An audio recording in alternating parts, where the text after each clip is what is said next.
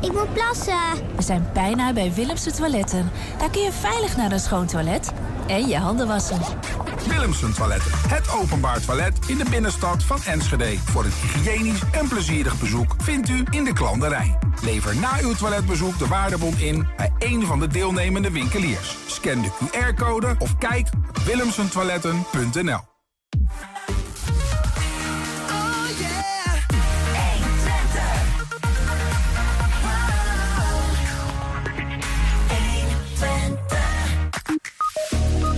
De kogel is door de kerk. Er worden 550 asielzoekers permanent opgevangen op een bedrijventerrein aan de Parkweg in Enschede. Collega Wilco Lauwers die eh, praat ons daarover bij. Ja, in de Twentse derby tussen Heracles en FC Twente waren homofobe spreekkoren te horen.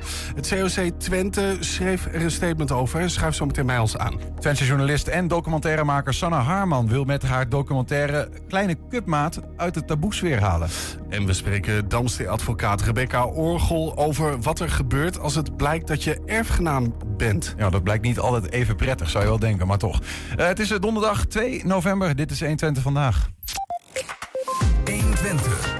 120 vandaag. De permanente locatie van het asielzoekerscentrum in Enschede is eh, bekend. Het college kiest voor een bedrijventerrein aan de Parkweg tussen de Singel en het havengebied. Op de oude plek van kooi-isolatie worden straks eh, 550 asielzoekers opgevangen. Dat is ook die, die plek waar eh, ooit de, de coronateststraat zat, daar aan de Parkweg. En de eerste bewoners die zijn er waarschijnlijk eh, voor de zomer van 2024. Collega Wilco Lauwers die volgde dat proces eh, vanaf het begin eigenlijk, hè Wilco? Ja, we waren er vroeg bij. Ja, nou ja, en, en eh, je, je- zat al een, beetje, eh, in, al een beetje na te denken. We hebben hier ook eerst wel eens over gesproken. Waar zou het nou kunnen komen? Eh, het hoge woord is eruit. Ehm, eh, was het een beetje wat je verwacht had? Verrast? Ja, ik ben niet, niet verrast voor deze, eh, over deze locatie. Eh ingewijden die, ja, die weten dat dit een serie, altijd een serieuze optie is geweest. Hè. Pand is zelfs eerder aangeboden als, als opvang voor, voor Oekraïners. Ehm, de eigenaar Jan van Eck heeft dat destijds gedaan. Jan van Eck is ook van Vliegveld Twente evenementenlocaties... die nu de hangar heeft waar de noodopvang in zit. En ook de Twentehallen, waar eerder ook al eens eh, asielzoekers zouden worden opgevangen. Dat is toen niet doorgegaan. Dus nee, verrassend is het niet. Het zong ook al een tijdje rond in de buurt. We hebben heel lang eh, in de bosjes gelegen met verrekijkers. eh of er beweging te zien was. nee, het was... en zeker nog, we hebben het zelf ook al wel eens genoemd. Hè? Ik, ja, ik wil daar toch even aan, aan terugdenken. denken. Die hangar is natuurlijk een ideale plek. Maar ga je verder kijken, ja, diezelfde ondernemer heeft ook ergens anders in de stad nog wel een pand aan een parkweg. Dat staat ook leeg. Ik sluit niet uit dat het eh, die kant op gaat. Want eh, hoeveel panden zijn er op dit moment waar je zo even 550 mensen kwijt kan? Nou, dat zijn er niet heel veel. Wegen een pand wordt te vaak genoemd, maar ja, daar is weer nieuwbouw eh, gaande. Dus ja. Ja, toch, eh, er zit toch iets van een waarzegger in je, Wilco. Ja, of ja, was ik gewoon er een wat eh, meer mee gaan doen, denk ik. rekenso- rekensommetje toch aan het einde van de Ja, dag? uiteindelijk wel. Kijk, en ik moet in alle eerlijkheid ook zeggen dat het hier ging over de tijdelijke noodopvang. Eh, daar hadden we het even op dat moment over. Eh, dit was 4 juli, die uitzending. Toen moest er nog een, een locatie worden gezocht voor een tijdelijke noodopvang in aanloop naar deze permanente locatie. Ze moeten ergens worden opgevangen. Dat moet Ja, direct gebeuren. Dat was de afspraak met het COA, het Centraal Orgaan Opvang Asielzoekers. Nou, eh, en, en ik, ik dacht toen van dat gaat niet op de luchthaven gebeuren, want eh, bij die hangar. Want ze hebben daar al meerdere keren eigenlijk een belofte gebroken aan de omwonenden van dat het daar zou stoppen. Hè, daar heeft eerder noodopvang gezeten, daarna een crisisopvang die meerdere malen is verlengd. Ja, dat is dus uiteindelijk toch nog, nog één keer weer gebeurd. Eh, nou, dat, dat had ik hem niet helemaal in gedachten dat dat se zou gebeuren. Maar het Esmakenveld was, nee, niet Esmakenveld zeg ik, eh, eh, wethouder Hosmanpark in Noord, waar wat voetbalverenigingen zitten. En deze stonden wel hoog op het lijstje. En dat is gewoon een simpel rekensommetje. Je kijkt welke grondposities de gemeente heeft. Of partners hè, eh, die, die, die, die nou betrokken zijn met de gemeente. En dan ga je kijken van waar zou het kunnen. Moet natuurlijk wel een beetje eh, passen. Ja, Ja, maar goed, uiteindelijk moet je, moet je een keuze maken. Hè? We weten natuurlijk uit het verleden dat dat soms ook eh, eh, tot heftige reacties kan, kan leiden. Ja. hoe werkt dan uiteindelijk de, ja, de keuze? Waar, hoe wordt die gemaakt? Ja, je gaat eerst kijken waar het überhaupt eh, mogelijk is natuurlijk. Hè. Je gaat alle locaties van, een van een gemeente af. Waar zou het kunnen? En Of die nou van jou zijn of van een particuliere eigenaar. Dat kunnen bestaande panden zijn, dat kunnen gronden zijn. Nou, de gemeente heeft daar wel allerlei lijstjes voor. En ja, zo kom ik daar natuurlijk ook op. Ik heb die lijstjes ook met panden en met gronden.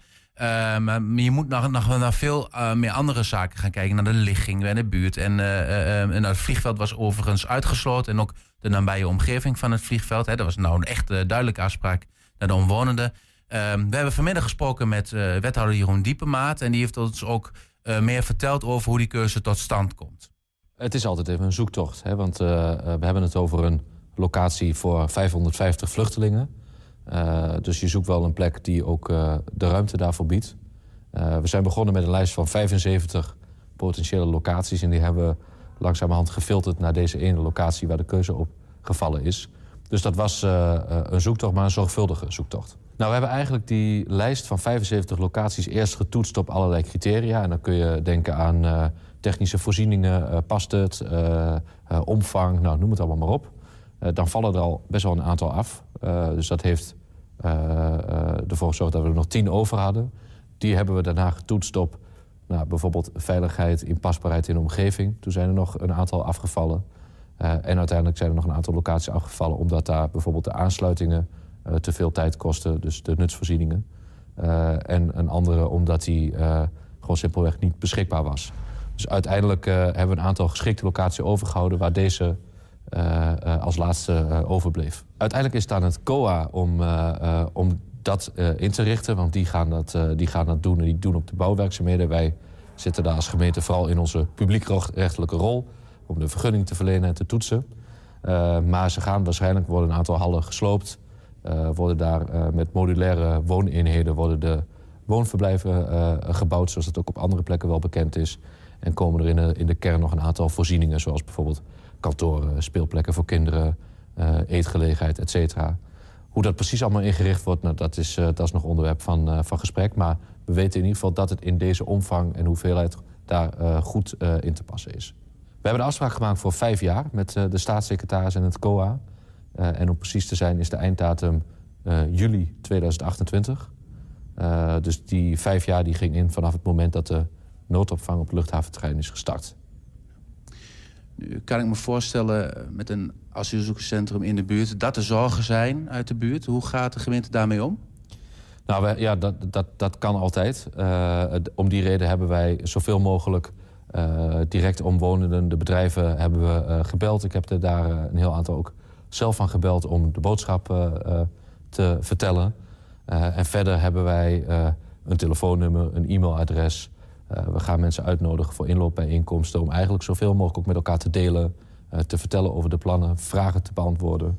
Maar ook afspraken te maken over hoe we verder met elkaar die communicatie in gaan richten. Eh, wij proberen altijd om zo goed mogelijk iedereen te informeren.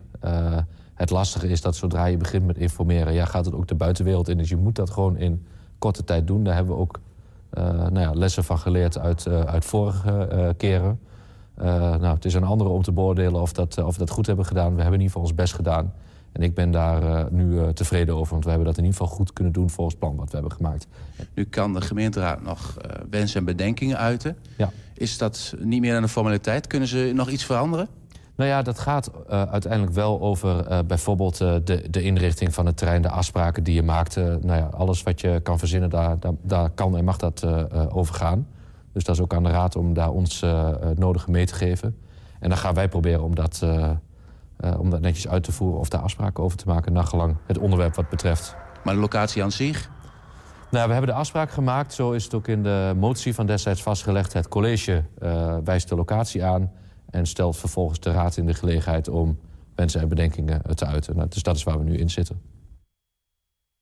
Maar goed, dat, dat is nog niet echt een antwoord over of die, die locatie blijft gewoon die locatie. Ja, die blijft gewoon een locatie. Dat is, Ja. ja. nee, dit, is, eh, de gemeenteraad heeft dit ook gewoon echt uit handen gegeven. Hè. De, de, de wethouder noemde de motie. eh dit is een motie, ja, dat betekent gewoon eh, eh, de- bij het vrijwillige aanbod van die, van die asielzoekersplekken, die opvangplekken, eh, is gewoon gezegd, eh, de, het college kiest gewoon een locatie uit. Daar gaan wij als gemeenteraad verder niet meer bemoeien. Alleen wensen en bedenkingen. Ja, sommige mensen denken dat bij wensen en bedenkingen dat je nog van alles kunt veranderen. Maar het woord zegt het al. Je, je mag wat zeggen en of er wat meer wordt gedaan. Het kan best zijn zeggen, nou ja, we, we nemen de kennisgeving aan en eh, we doen er niks mee. Dat zou kunnen. Ehm, eh, De wethouder had het over eh, de, het communicatieplan. Hè? Ja. Die zegt uh, iedereen mag er wat van vinden. Um, wat vind jij ervan? Ja, het is nooit een, een goede manier om eh, te communiceren dat er een, uh, een asielzoekerscentrum in je, in je achtertuin komt, bij wijze van spreken, hè, of naast de deur. Ehm, dat, dat geldt ook voor heel veel andere zaken hoor. Windmolen, weet ik veel, uh, kerncentrale. ik denk dat bij heel veel ontwikkelingen een opvang voor verslaafden. Ehm, dat, dat niemand daar in de directe omgeving op, op zit te wachten. Het is, nooit een goede manier om iets zoals dit te communiceren. Ja, maar hij zegt eigenlijk ook van ja, het moet in een heel kort tijdsbestek. Want het ligt op het moment dat je die inwoner een brief stuurt, dan ligt het ook zo bij de pers. en dan komt het weer op die manier naar buiten, terwijl wij de regie willen hebben als gemeente. Ja, en, je, en, de gemeente moet denk ik dan ook begrijpen dat, dat je eigenlijk de regie uh, maar zeer beperkt hebt. Hè? Want we zeiden het al, als ik al bijna twee weken weet dat, dat deze locatie het wel eens gaat worden. Ik heb het alleen niet keihard kunnen krijgen, maar het, het zinkt natuurlijk rond. Het gaat overal rond. Uh, en in dit geval hebben ze nog redelijk, uh, vind ik, uh, dicht gehouden. Maar er zijn pas vanochtend zijn omwonenden ingelicht met een briefje in de bus. Kijk, ik weet niet of dat een hele persoonlijke manier van informeren is. De meeste mensen zijn naar hun werk. Hè. Ze willen juist voorkomen dat mensen dan uit de pers dingen gaan vernemen. Maar ja, als je vanochtend om tien uur een briefje in de bus krijgt. De meeste mensen gaan aan het werk. Die, komen dan, die hebben misschien het nieuws nog niet gezien. Of die worden daar nu over bericht van... hé, is dat niet bij jou in de buurt? Ja, dan horen ze het alsnog via de pers. Ik, ik heb persoonlijk, zo vind ik altijd, ik hou meer van openheid. Ik, zeg, ik zou zeggen, doe het met een uh, vergadering waar je bij een heleboel mensen uh, uitnodigt. Ook de buurt, de raadsleden, de pers. Uh, vertel vooraf niet per se waar het over gaat. Ja, dat, kan, dat, ook, dat, dat leekt natuurlijk uit. Maar ik hou wel wat meer van openheid. Maar ja, uh, het is nooit een goede manier, maar ik denk dat... Dus ik heb ook nog geen klachten hierover gehoord. Hoor. Dus, uh, persconferentie zou jij ook niet gek vinden, waar de buurt dan weer bij uitgenodigd. maar ja, dat hebben ze nu feitelijk gedaan vanmiddag. Maar dan hebben ze de buurt van tevoren nog even ingelicht. Ja, ja, ja. dat is zo. Maar als je iedereen gelijktijdig informeert, voor zover dat mogelijk is, ja... Ik wil, ik wil niet zeggen dat dit per se slecht is. Ik heb ook hier niet echt klachten over gehoord. Nee. Maar ja, dus het, het, gaat nooit helemaal volgens ja. iedereen zijn uh, wens. Blijft een ingewikkeld. Ja. Uh, maar dat, dat geeft de wethouder ook wel aan, uh, volgens mij. In die zin, ik, um, even trouwens over buurtbewoners, reacties. Ik zei al even in het verleden, Esmarkenveld, je noemde hem per ongeluk. maar daar kennen we natuurlijk hè, dat, dat de mensen die daar omheen wonen heel heftig vonden. verwacht je dat soort dingen nu ook? Nee, nee. En, en, en Esmakenveld, terwijl je benoemd bent, denk ik ook daar. Dat is ook echt een voorbeeld. Daar hebben ze ook lessen van geleerd. Er is ook een rapport over verschenen uh, destijds. Dat, waar communicatie volledig mis is gegaan. Hè. Daar hadden ze eigenlijk, uh, ik zeg het nu even uit mijn blote hoofd, maar hadden ze eigenlijk Esmakenveld min of meer al in beeld als, als locatie daar zou moeten komen. En ze na een hele lijst met allerlei locaties opgesteld. Hebben ze ook gedeeld overal. En iedere keer werd dat minder. En uh, toen kwam opeens via via uit dat het toch Esmakenveld werd. Terwijl dat voor mij op een andere lijst en eens weer weg was. Dat was een hele rare manier van communiceren. Daar is ook over gezegd, dat moet je nooit weer doen. Daarvan heeft het college nu ook gezegd, wij gaan in alle stilte gaan we één locatie aanwijzen. Die wordt het ook. We weten zeker dat die het is. En dan gaan we naar buiten. Dus in dat opzicht is het wel gewoon een duidelijk signaal. Nou, verwacht ik de, de protesten zoals destijds bij Esmakenveld. Zoals varkenskop en zo weer aan die hekken gangen. Dat was ja, uh, hele heftige protesten vanuit ja. uh, Dolvia tegen gemeente bijvoorbeeld. Dat is nog een actiegroep die destijds... Uh, ja. Ja, nou ja, goed, je zet dat dus wel midden tussen uh, uh, volkswijken. Um, en, en daar zet je een asielzoekcentrum neer waar altijd wel zorgen over zijn. Ook over de veiligheid langs een route van schoolgaande kinderen. Um, je kunt je best voorstellen dat daar heel veel zorgen ten over waren. En dat mensen dan denken, hé, hey, wat gaat hier gebeuren? Ik verwacht dat hier toch minder. Kijk, de noodopvang op het vliegveld was natuurlijk... heb je bijna niks over gehoord. Natuurlijk, zijn, ook daar zijn omwonenden... Maar er zijn er relatief weinig. Hè? En ook die maken zich zorgen. Want ik lees ook die verslagen wel van het Norbenoverleg... wat die mensen die in die buurt wonen hebben. En dan hoor je ook wat dingen dat er mensen in de tuinen ineens staan... of op het erf lopen. Hoeft niet per se kwaadwillend te zijn. Dat zeg ik ook bij, niet altijd zo. Maar ook diefstal in, in, in Londen, in een dorp, dat gebeurt wel. Um, ja, dat die, dat die zorgen er zijn. En, maar, daar wonen minder mensen. Dus zal het, qua de rest van de stad maakt het eigenlijk dus niet zo heel veel uit... Dat zal hier niet heel veel anders zijn. Het ligt vrij geïsoleerd. Uh, leuk trouwens, isolatiebedrijf. Uh, ja, ligt vrij geïsoleerd. Not intended, dat hoor ik wel. ja, dus uh, we, zitten, we zitten ze te plekken. We schieten ja. ze uit de mouw. En ligt vrij geïsoleerd tussen uh, de ene kant de, de Westerval, hè, de oprit naar de snelweg. Ja. En daarachter ligt Patmos, Volkswagen. Maar het voelt ver weg. Aan de andere kant Twekkelenveld, waar nog een spoorlijn tussen zit, voelt ook best wel ver. En in dit stukje, ja, het, is, het zijn bedrijven, het is, het ja. is weinig cohesie in dat gebied. Dus Ehm, het voelt eigenlijk niet alsof dat heel erg eh, reuring gaat geven. Ja. Maar ja, dat weet je nooit. Om dan nog maar eh, een soort van bruggetje te maken. eh, een kooi. Hoe gaat het eruit zien? Zeg maar. Ja, dat, dat is wel lastig. Ehm, dat, dat zei, zeiden de wethouders. Hè, we hadden gesprek met de wet- meerdere wethouders vanmiddag. Zeiden ook wel dat het la- lastig te zeggen is, omdat daar gewoon het COA over gaat. En, en, die, en die maakt afspraken met de eigenaar. En dat is Jan van Eck. De gemeente doet regelt straks alleen nog de vergunning. Eh, volgens de normale procedures moet een vergunningaanvraag komen. Eh, dit zal niet in een bestemmingsplan overigens passen. Maar daar hebben ze weer andere eh, trucjes, wil ik zeggen. Maar er zijn gewoon juridische eh, instrumenten voor. Waar, eh, eh, voor tijdelijke woningbouw hoef je niet een bestemmingsplanwijziging te vragen. Eh, een beetje technisch verhaal. Ehm, nee, eh, hoe het eruit gaat zien, waarschijnlijk met, ehm, ja, niet chalets, maar modulaire bouw is dat. Hè? Gewoon wat we eerder ook zagen op het Diekman bij het ACC destijds. Van die gestapelde bouw is het eigenlijk. Van die kant-en-klare woningen. Je ziet het overal wel verschijnen. Een En soort die- keten. Eh, ja, het meer is dan eh, denk ik iets te oneerbiedig. Het is wel echt een woning. Ja. Hè? Het is wel een luxe chalet zou je bijna kunnen zeggen. Maar je kunt ze stapelen. Ja. Maar En- wat er nu dus staat, want er, staat, er staan nog wat, wat bedrijfspanden. Ja. Dat, dat moet daarvoor wijken. Dat gaat eh, naar mij weten gesloopt worden. Ja, eh, Ja. grotendeels.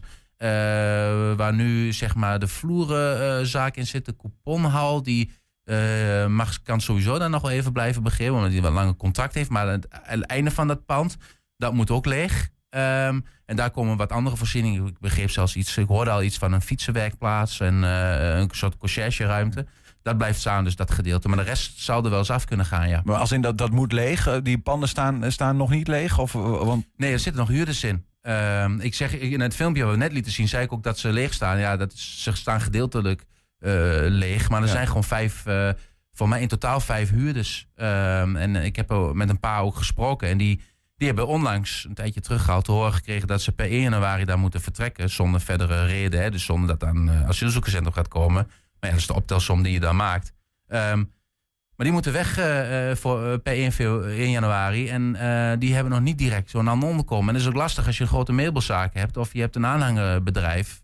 Of je doet in Amerikaanse auto's. Dat zijn bijvoorbeeld bedrijven die er zitten. Ja, vind maar even zo een ander pand. maar dat kan juridisch gezien dat ze er dan voor dit soort redenen door, eh, in dit geval van Eck, die de, die de eigenaar is, eh, nou ja. In, die zin, in die zin kun je zeggen, ze, we- ze weten het. Hè, want er is, eh, er is een, een wat kortere huurafspraak. Dat kan volgens mij per jaar of zo worden opgezegd. Het is niet een lang- langjarig huurcontract. Maar ja, het blijft natuurlijk...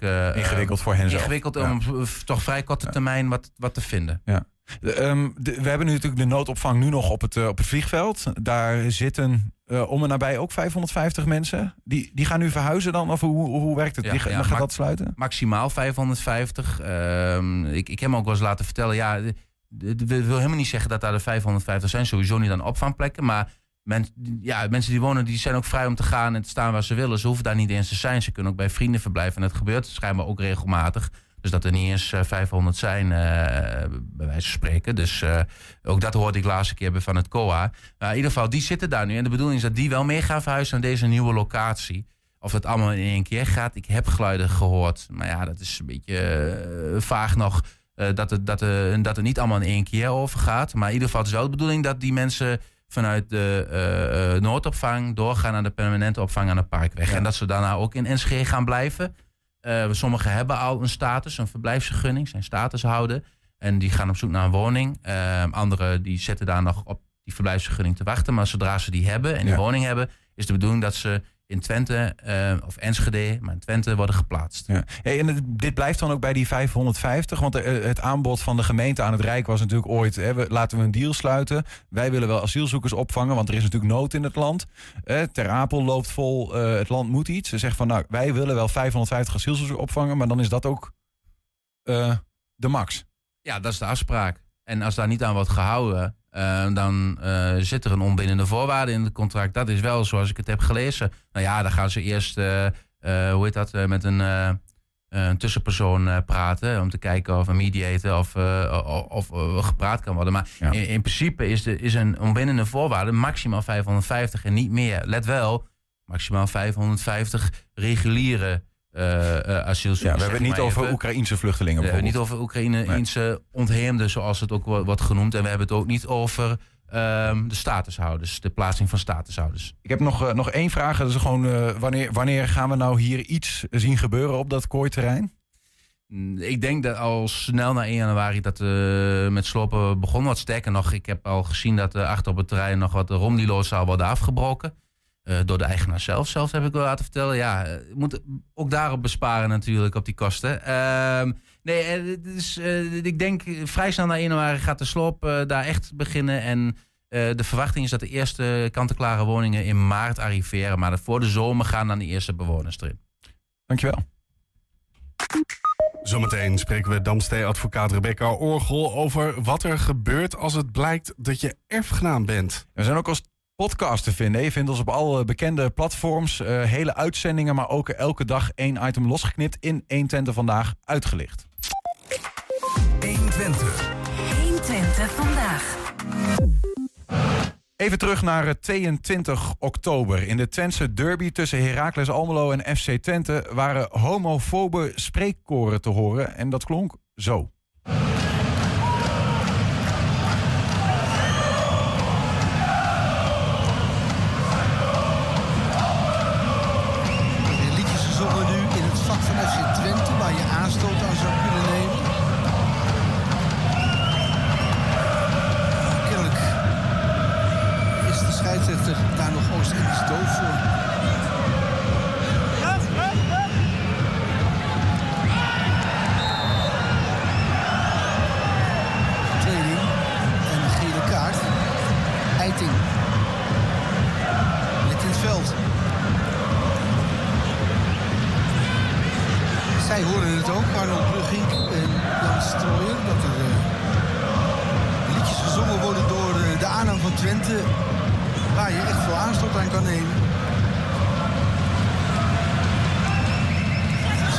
Voorzet ondertussen van Hoogma en een goal.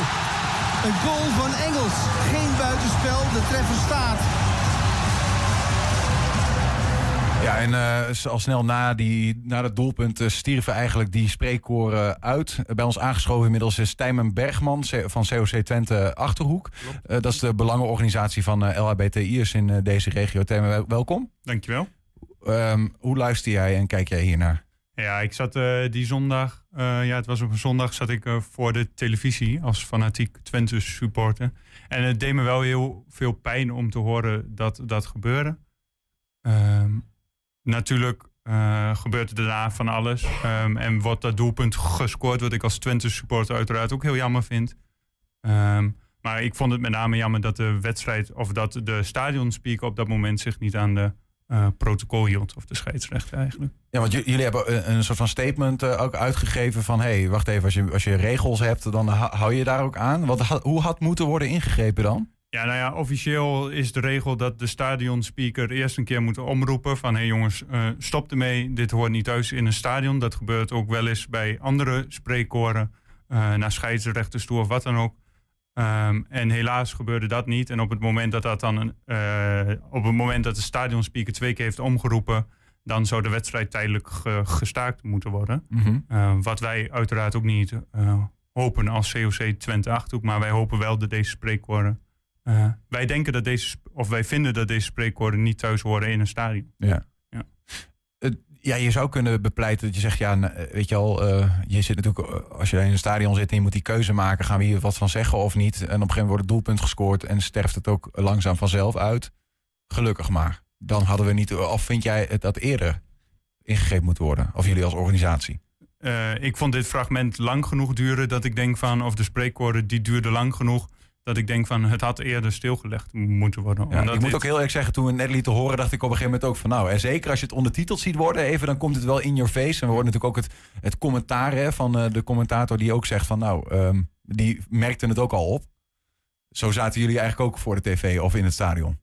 Ja, dat lijkt me wel. Ik, ik, ik vind het te lang duren voordat de wedstrijd wordt stilgelegd. En uh, wat je zegt, nou ja, gelukkig of pech, uh, wordt er dan een doelpunt gescoord waardoor de spreekwoorden stilvallen. Mm -hmm. Maar uh, ja, er had eerder ingegrepen moeten worden. Ja, is dat ook wat, wat die, dat statement van jullie op, uh, dat jullie uitbrachten ongeveer behelst? Van hey, dit is onze boodschap?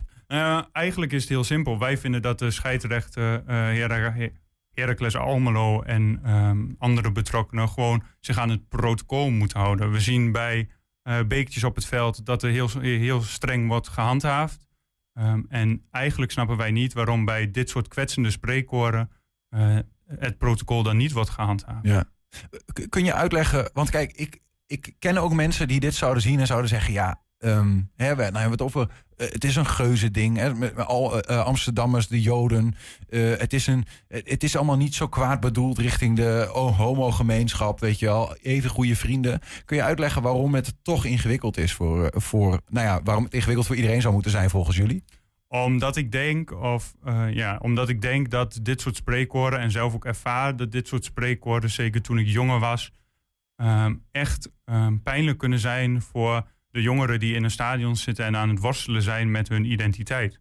Als jonge jongen heb ik best een tijd getwijfeld over of ik Twente supporter en homo kon zijn, omdat eh, die twee werelden zo ver van elkaar af leken te liggen. Heel gelukkig kan ik nu elk weekend als Twente speelt gewoon in het stadion zitten. En voel ik me daar heel fijn. Maar dat komt mede ook omdat dit soort eh, kwetsende spreekwoorden niet meer, althans vrijwel niet meer te horen zijn. En daarom denk ik ook dat het nog belangrijker is dat ehm, er hierop wordt gehandhaafd. Dus. Ja, ja. Ja, ja, wat, wat, wat- ja, wat zegt het dan dat het wel gebeurt? Zeg maar, wat, wat, wat, wat is dat in een voetbalstadion?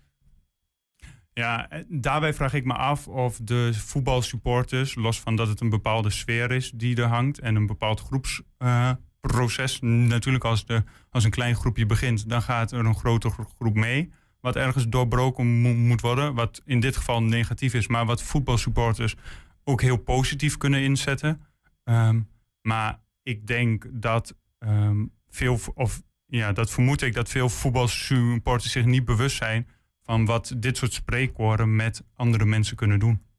Ja, voor hen is het misschien eh, eh, on- onschuldig groepsgevoel, eh, lekker optrekken tegen de vijand. Ja, misschien is het alleen dat ge geuzenaampje, Ja. maar ehm, het doet heel veel met eh, het gevoel en de ontwikkeling van mensen, denk ik.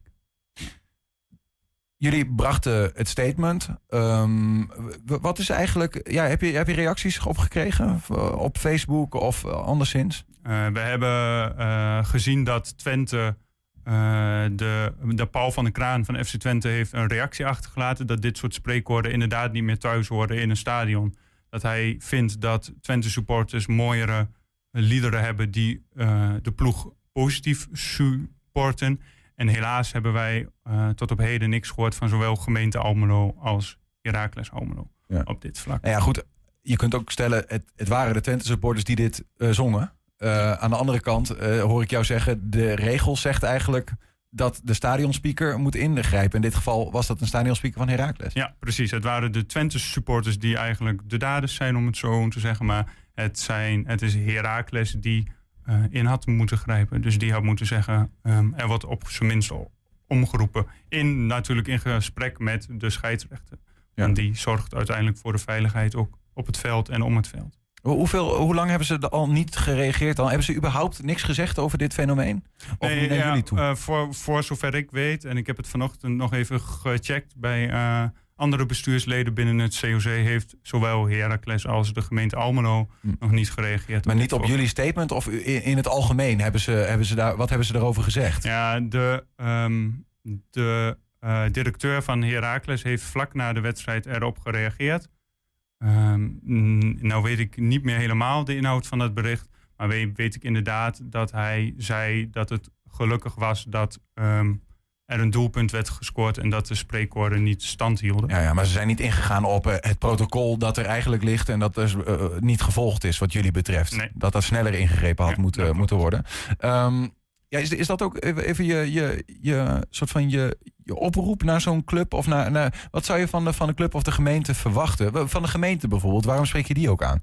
Nou ja, om, omdat het ook altijd een combinatie is van de lokale driehoek die uiteindelijk beslist wat er in een, staan, in een stadion gebeurt. Dus het is de scheidsrechter die eigenlijk het spel leidt, maar in overleg met de sta, eh, met eh Heracles zelf en natuurlijk eh, een burgemeester van een stad wordt er gekeken naar ehm, hoe moeten wij hierop handhaven. Ja, precies. Maar goed, op dat moment suprem natuurlijk is de gemeente daar nog niet bij betrokken, lijkt mij. Dat, Nee, het- op dit moment nog niet, maar we zien wel dat als een wedstrijd tijdelijk wordt gestaakt en dat gaat op een gegeven moment over op welstaking, dat Ja. dan inderdaad wel de lokale driehoek erbij ja, dan wordt wordt het een ander verhaal als het eh, een permanente staking even op dat moment eh, eh, wordt. En wij horen ook wel veel dat in Almelo, als het gaat om de acceptatie van LHBTI plus personen, en nou trek ik het iets breder, Ja. dat dat ook nog wel een moeizame wereld is. En dat daar nog wel een wereld te winnen is. Mhm. Dus vandaar ook onze zorgen over dat, heer, dat al, gemeente Almelo hier ook niet een statement over naar buiten brengt.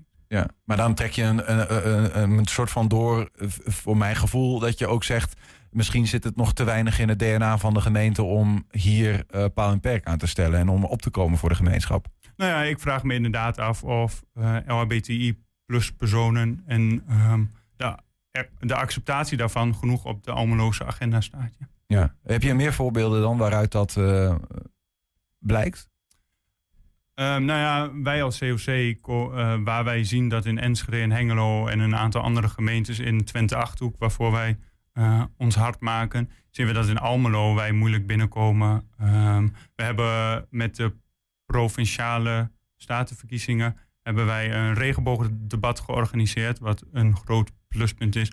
Maar ehm, ook dan zien we nog wel dat er meer weerstand zit dan in de andere Twentse steden. Ja. Dus dat daar nog stappen te zetten zijn. ja. Hoe, hoe, hoe zou dat in zijn werk gaan? Eh, eh, hè, hoe, hoe, eh, want jullie zijn een belangenorganisatie. Hoe, hoe gaat dat? Hoe, hoe maak je dan een gemeente, een stad, ehm, ja, toch meer bereid om meer accepta ac- acceptatiegericht, zeg maar?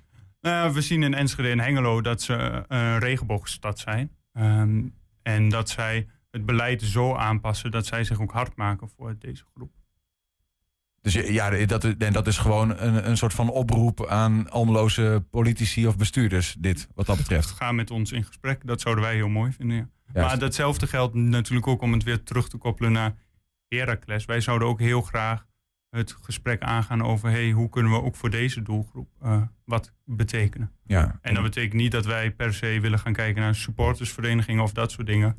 Maar wel voorkomen dat spreekwoorden zoals we deze hebben gezien tijdens de derby worden voorkomen. Juist, en zodat eh, jongens als jij eh, ook op jongere leeftijd, als ze nog eh, vol met hun hoofd in de twijfel zitten, eh, prettig naar het stadion kunnen Precies, dat zou het mooiste zijn. gaan. Tijmen Bergman, dankjewel van eh COC Achterhoek Twente voor jouw eh, persoonlijke eh, kijk hierop en ook eh, vanuit jullie eh, belangenorganisatie. Geen dank. Zometeen Twentse journalist en documentairemaker Sanna Haarman wil met haar documentaire kleine cupmaten uit taboesfeer halen. We zijn ook als podcast vinden, zei ik net al even. 120. 120 vandaag.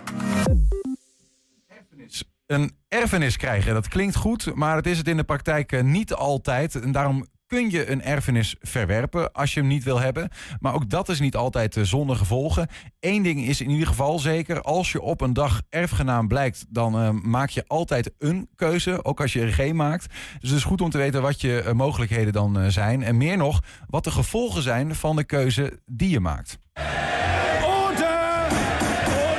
Rechtspraak met Damstee Advocaten. Ja, Rebecca Orgels bij ons, welkom. Ja, dank je. familierechtadvocaat, weet ook veel van het erfrecht en zo. Ehm, eh, eh, nou, ik, ik voel me af, je, je blijkt erfgenaam. Wat gebeurt er dan eigenlijk? Maar misschien eerst even, hoe hoor je dat? Krijg je dan een brief op de mat en belt er iemand of wat dan ook? Ja, in de meeste gevallen ehm, heb je vader, moeder. Mm, Die is meestal nogal op leeftijd. Heb je ook contact mee. En dan overlijdt diegene. Dus dat is eigenlijk de meest voorkomende manier dat je weet... oh, hè, nu Dan zal weet je het, zie je het gewoon aankomen. Precies, je ziet het aankomen. Hè. Je, hoort, je krijgt natuurlijk ook meestal een uitnodiging bij de begrafenis... als natuurlijk de contacten allemaal goed zijn. Ehm, dan is natuurlijk daarna de vraag... is er een testament wel of niet? Maar als je daarvan uitgaat dat dat er niet is... ja, dan word je uiteindelijk toch erfgenaam als kind. En dan is de vraag, wat moet je dan doen? Ja. Nou, ja, die, die, laten we die eens verkennen, want blijkbaar is, zitten er nogal wat haken en ogen aan. En het is ook niet altijd prettig om een erfenis te krijgen. Nou, ik ben benieuwd hoe dat zit.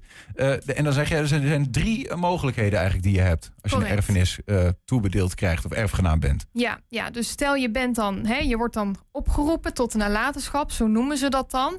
En dan kan je eigenlijk drie keuzes uitbrengen. Je kan zeggen, ik ga hem zuiver aanvaarden, ik ga hem beneficiair aanvaarden of ik ga hem verwerpen. Nou, de allereerste is zuiver aanvaarden. Dan zeg je eigenlijk, jouw eigen hele vermogen en het vermogen van de overledene, dat wordt één vermogen. Dus alles wordt dan samengesmeld. Dus dan is er geen onderscheid meer.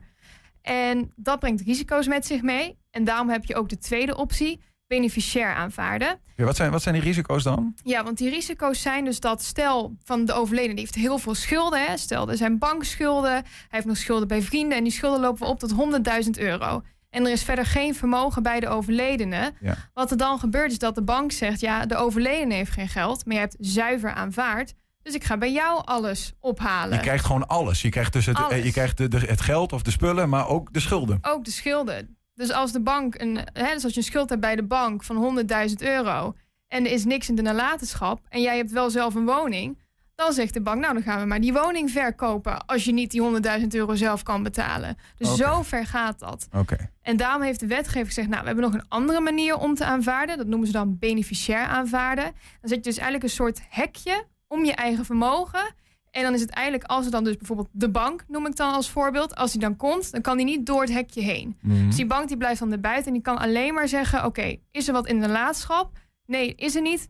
Dan is dat jammer. Maar dan krijg je ook geen eh, geld als, je, als het wel in de plus nee, is. want dan is het geld natuurlijk op. Als er natuurlijk de schulden heel hoog zijn. Ja, ja. Ja, Maar oké, dan ik hoor je dan. eh, in, in mijn hoofd hoor ik dan wel de lusten, niet de lasten. Een soort Ja. van. Dan vraag ik me meteen af, waarom zou je niet altijd dan beneficiair aanvaarden? ja nou de beneficiair aanvaarden, hè, dat moet, je moet echt een verklaring afleggen dat je beneficiair aanvaardt. Dat kan via de notaris, die gaat het dan weer indienen bij de rechtbank. Dus dan moet je wel echt actief een stap innemen. Ja.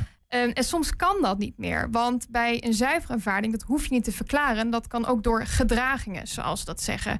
En denk hierbij dat jij spullen uit de woning meeneemt van de overledene. Denk dat jij eh, schulden gaat betalen. Denk dat jij ehm, uit, van, de, van de bankrekeningen geld eraf haalt. Dat soort dingen, dat zijn allemaal gedragingen. Dan zegt weet je, ja, dat zijn gedragingen. Dan heb je zuiver aanvaard. En dan kan je dus niet meer je eigen privévermogen beschermen. En is alles één geworden. Dus, dus, dus stel even, ehm, en ik hoop dat dat nog lang niet gebeurt, want mijn ouders komen te overlijden en die hebben ergens een schuld eh, waar ik niet van weet. En ik eh, haal, eh, ik denk van nou, die erfenis, gaan we toch wat spullen verdelen. Dan heb ik daarmee per ongeluk, zeg maar, gezegd, nou, ik, ga, ik ben zuiver aan het aanvaarden, zegt de wet dan. En dus krijg je ook die, per ongeluk, eh, krijg je dus ook die schuld erbij. Ja, ja, in begin was dat wel inderdaad het uitgangspunt. Ehm, het was bijvoorbeeld ehm, bij de hoogste rechter in Nederland in 2021. Daar is ook zelfs een voorbeeld geweest. En daar was de vraag: is het uitdelen van een taart en het geven van cadeaubonnen van de rekening van de overledene aan de mensen die hem hebben geholpen? Zijn dat al gedragingen dat je zuiver hebt aanvaard? Dus zover gaat dat. Toen heeft de hoogstrechter gezegd: nee, dat is niet zo. Maar zover gaat het dus. Dus je moet eigenlijk heel erg oppassen wat je allemaal doet. Ehm, wel een, een side note daarbij: het betalen van begrafeniskosten, dat is noodzakelijk. Dan ga je niet zuiver aanvaarden, want dat moet natuurlijk op korte termijn. Je kan natuurlijk Ja. iemand een maand lang. Nee, maar goed, maar je, zegt- ik, je, je moet dus wel, eh, je moet niet zomaar, zeg maar, als, eh, als je een erfenis, eh, er- erfgenaam bent, eh, meteen denken van nou, ik sla toe. Want dat kan dus ook andere soortige gevolgen hebben. Ja, en het ergste gevolg is dan als de schulden dus heel hoog blijken te zijn. En er zit dus niks bij die overledene qua vermogen. En dan ben je zelf dus privé aansprakelijk. Ja. Het is dan gewoon zelf dat je gewoon zijn schulden of haar schulden moet gaan betalen van die overledene. Dus dat gaat echt wel heel ver. Oké, dus ik, ik heb twee dingen van je gehoord. Eén is zuiver aanvaarden, dan ga- krijg je eigenlijk alles. Zowel de lusten als de lasten. Ja, Beneficiair aanvaarden, dan eh, zeg je van, nou, dan zet je eigenlijk een hekje om jezelf heen. En dan krijg je ehm, wel de lusten, maar niet de lasten. Ehm, maar dat brengt ook gedoe eh, met zich mee. Ehm, en dan hebben we nog een nummer drie blijkbaar, nog een derde optie. klopt. En dat is verwerpen. En dat is eigenlijk dat je zegt: Ik heb hier helemaal geen zin in, in deze nalatenschap en in al die problemen. Ik ga verwerpen. Dan moet je ook die verklaring moet je dan weer afgeven bij de rechtbank. Of dan wel via een notaris. Mm. En dan zeg je: Ik heb hier helemaal geen zin in. Ik ga verwerpen. Maar bij verwerpen, daar is wel een dingetje. Want heel veel mensen vergeten dat de wet bepaalt... dat op het moment dat je verwerpt... noem eens met een duur woord, dan komt er plaatsvervulling. En dat betekent eigenlijk dat... ehm, stel, ik ga verwerpen en ik heb kinderen... dan wordt daarbij bij wet de kinderen opgeroepen. Oftewel, de, mijn kinderen worden dan erfgenaam. Ja, ja. En dat vergeet ze meestal. En zeker ook bij kinderen die onder de 18 zijn, de minderjarige Mhm. erfgenamen, zeg maar. Daar is het allemaal een stuk lastiger om dat te verwerpen. Omdat de wet allemaal beschermingsmechanismen hebben ingebouwd voor minderjarige kinderen. Oké, oké, dat, dat gaat best snel. Dus je, je hebt die, die derde optie. Je kunt ook zeggen, ik hoef eh, die erfenis van bijvoorbeeld van mijn ouders, eh, hoef ik niet. Ehm, misschien even eh, dan vraag één voor mij. Wanneer zou je dat dan... want je zegt, eh, dat, dat, dat brengt soms wat papierwerk en gedoe mee. Wa- Waarom, wa- waarom, zou je het niet, waarom zou je niet gewoon altijd beneficiair aanvaarden? Ja, zoals gezegd, hè, je moet natuurlijk wel wat doen in zo'n nalatenschap. Ja. Hè. Je moet natuurlijk kijken wat de schuldeisen zijn, wat het vermogen is. Stel, de overledene heeft een woning. Wat ga je met die woning doen? Ehm, hè, af en toe heb je ook nog een broer en zus. Als je daar misschien niet goed mee samen kan werken. Dat je ook zegt, ik heb er geen zin in. Ja, ja. Het Kan, er natuurlijk- emotioneel, of in de relationele Ja, sfeer liggen. Dat, dat je zegt, zie ik hoef het gewoon niet. Ja, ja, en het kan natuurlijk ook dat de schulden zo hoog zijn dat je helemaal zegt: Ik heb er geen zin in. Hè? Dus dat er dan geen vermogen is. En dan die bank weer met die 100.000 euro schuld. Ja, wil je daar dan mee bezig zijn? Want je krijgt uiteindelijk niks, want er zit niks qua vermogen in die nalatenschap, alleen maar schulden. Dan is de vraag: wil je daar elke keer mee bezig zijn om al die schuldeisen ja, op te roepen? Hè? Dus te benaderen en te zeggen: hé, hey, ik ben erfgenaam. En dan Ja. kiezen ook heel veel mensen ervoor om te verwerpen. En, maar, maar je zegt dus feitelijk, als je eh, verwerpt en je hebt eh, kinderen, eh, dan ben je er nog niet per se vanaf. Want dan zitten jouw kinderen er in eerste instantie mee. Zo werkt dat gewoon. Ja, dat heeft de wet bepaald. Ja, ja. Dus als ik kinderen heb en ik verwerp, dan worden mijn kinderen zeg maar erfgenaam. En dan moeten zij weer die keuze gaan maken. Ga ik zuiver aanvaarden, beneficiair aanvaarden of verwerpen? Dus dan krijg je Ja. dat hele riedeltje krijg je weer helemaal opnieuw. En dan geldt dus, eh, hoor ik je zeggen, voor je kinderen, eigenlijk zijn het, eh, de- als je kinderen 18 plus zijn, dan kunnen ze die keuze maken. Ja, Maar als ze jonger zijn dan 18, dan wordt er automatisch een keuze voor hen gemaakt. ja, dat klopt inderdaad. De wet heeft een soort beschermingsmechanisme ingebouwd. De wet zegt eigenlijk als een erfgenaam onder de 18 is, dan kan de erfgenaam niet zomaar verwerpen. Want als er toch iets qua vermogen in de nalatenschap zit, dan moet dat naar dat kind gaan. Ehm, en de wet zegt, als er dus meer schulden zijn dan vermogen, dan mag je verwerpen. Maar dan Hmm. moet je wel eerst aantonen. En dan moet de rechtbank daar ook toestemming voor geven. Dat dus als je erop mag. achteruit zou gaan, Ja, eh, dan eh, moet je dat aantonen. En, maar ook dat kind moet dat dan aantonen. Ja, in de praktijk is dat natuurlijk de ouder die dan vervolgens heeft verworpen.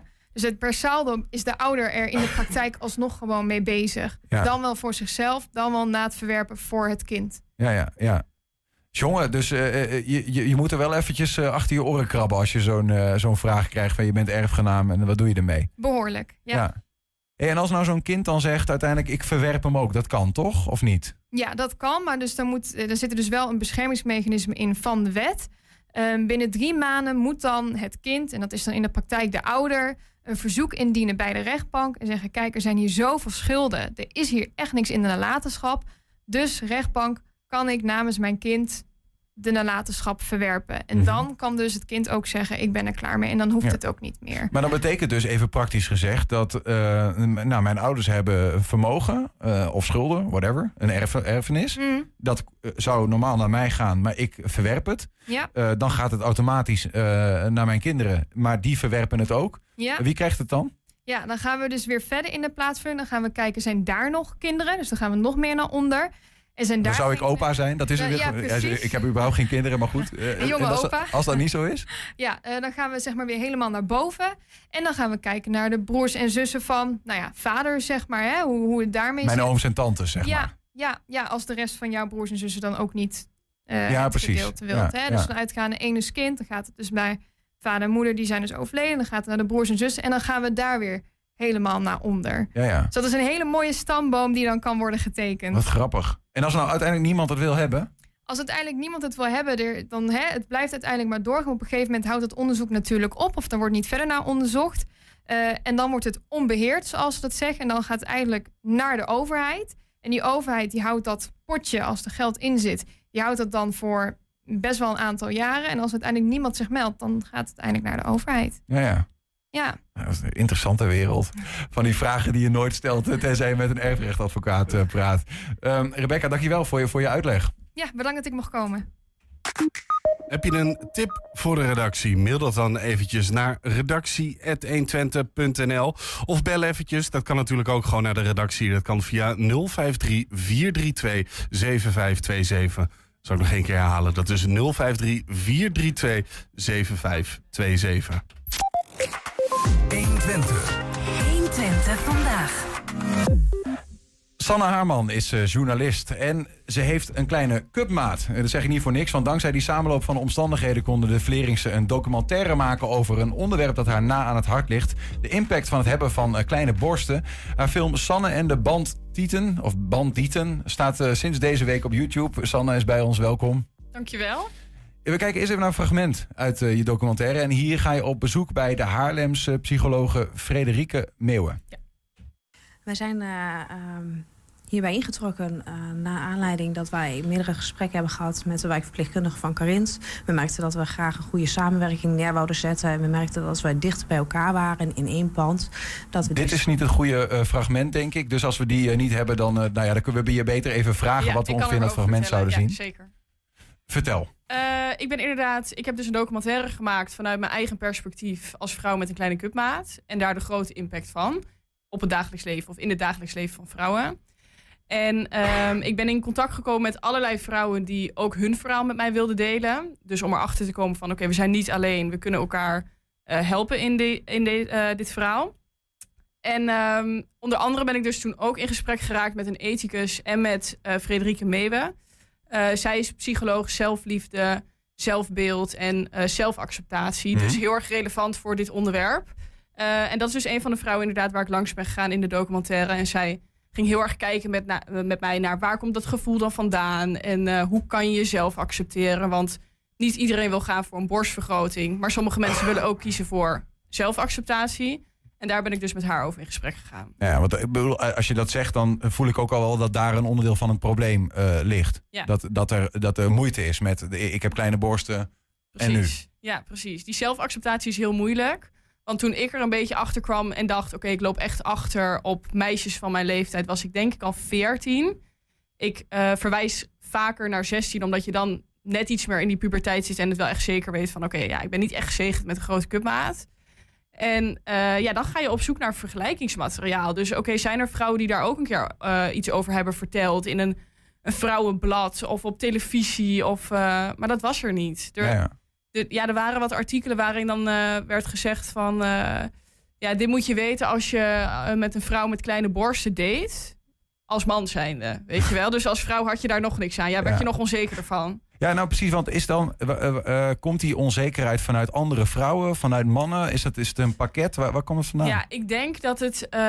je kan jezelf natuurlijk urenlang vergelijken met mensen. Vooral nu op social media en op internet. En omdat ik mij als jonge vrouw niet kon identificeren met vrouwen met kleine borsten... maar eigenlijk alleen met dat perfecte beeld of vrouwen met grote borsten... want daar, daar is wel meer over duidelijk dat dat echt een issue kan zijn. Ja.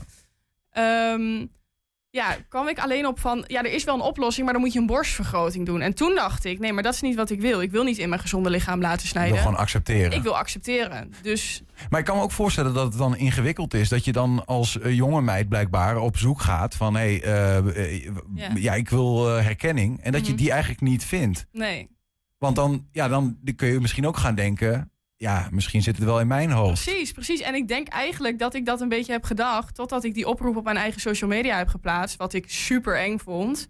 Eh, dat ik zei van, ik ga een documentaire maken... want ik heb hier eh, vijf tot zeven jaar mee gestruggeld. Zijn er meer vrouwen? Ja, als ik dan geen reacties had gekregen... dan was het wel even pijnlijk geweest voor mezelf. Ja. Maar gelukkig eh, stroomde die DM zeg maar vol...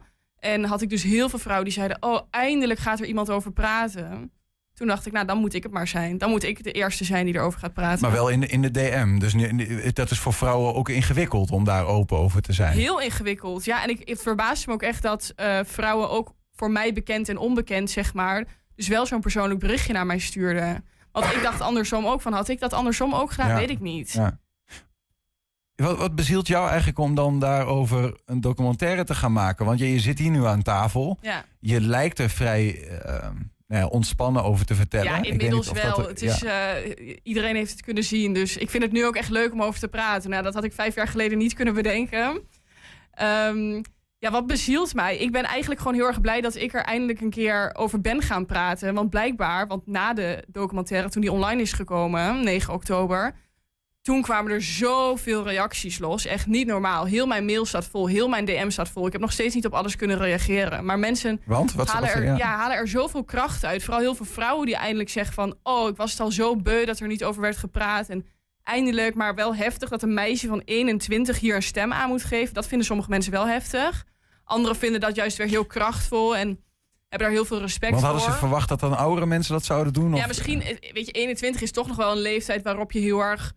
Ehm, ja, kun je nog steeds heel erg. Tuurlijk, is een best wel onzekere fase. Ben je misschien nog steeds wel heel erg zoekende naar jezelf. Van wie ben ik, wat Ja, wil ik. ja. Ehm, En ja, dus ik heb dat gedaan. En maar ook eh, ja, vrouwen van eh, 70, 80 plus die zeggen van... joh, ik heb dit ook gehad. En wat goed dat er nu eindelijk iemand is die daarover praat. Ja. Ik hoop dat je mijn kleindochters ermee kan helpen. Ik hoop dat je die ermee kan helpen. Het is wel interessant, want ik denk, ik denk dat zeg maar, als je ki- kijkt naar eh, mannen, dan is dat natuurlijk altijd een ding. Hè? Wie Ja. heeft de grootste? eh, de, en dan wordt er ook eh, ge- geintjes worden erover gemaakt. Dus daar, en daar zijn ook wel tv-programma's over gemaakt. En dat, daar is het wat bekender dat daar schaamte soms met zich meebrengt. Ehm, maar bij, bij vrouwen, ja, ergens mijn gevoel, maar dat ben, zeg ik even als, als, als mannelijke buitenstaander, Ja? eh, is dat dat binnen de vrouwenwereld minder speelt. Maar dat is dus niet Nee, zo. dat is dus niet zo. Dat heeft deze documentaire wel laten zien, denk ik. Ehm, ik denk gewoon, jij bent man en ik ben vrouw. Ehm, jij maakt dat heel erg in jouw omgeving mee. En ik maakte dit in mijn eigen omgeving heel erg mee. Maar wat ik net al zei, vaak wel meer over grote borsten. Dus vrouwen die een borstverkleiding moesten doen vanwege medische redenen. Maar Maar daar wordt daar toch niet naar gekeken als van, eh, van oh, je hebt gewoon, dan is dat meer ingewikkeld. Tenminste, wat ik begreep. nou van ja, weet je, het gaat ook wel soms hard tegen hard hoor. Ik bedoel, Ja. eh, ik heb uiteindelijk vroeger ook heel veel opmerkingen van jongens gehad tijdens uitgaan. Waardoor ik mij besefte dat ik een kleine cupmaat heb. En er niet zo uitzie als dat andere meisje van Maar ook door 16. vrouwen? Ehm, nee, maar wel heel erg bekeken worden. Dus wel echt zo van, oh ja, nee, jij hebt dat niet, wat wij hebben. Ja, ja. Of in een lingeriezaak heb ik het ook meegemaakt van, oh nee, maar dat maatje, nee, dat hebben wij niet. ja. Dus ja, eigenlijk wel. Ja. Ehm, die, documentaire heb je eh, gepubliceerd in, eh, in, de, eh, in het Cultuurhuis. ja, daar heb ik mijn première gehouden inderdaad. In Borne? Ja. Ehm, wie, wie waren daarbij?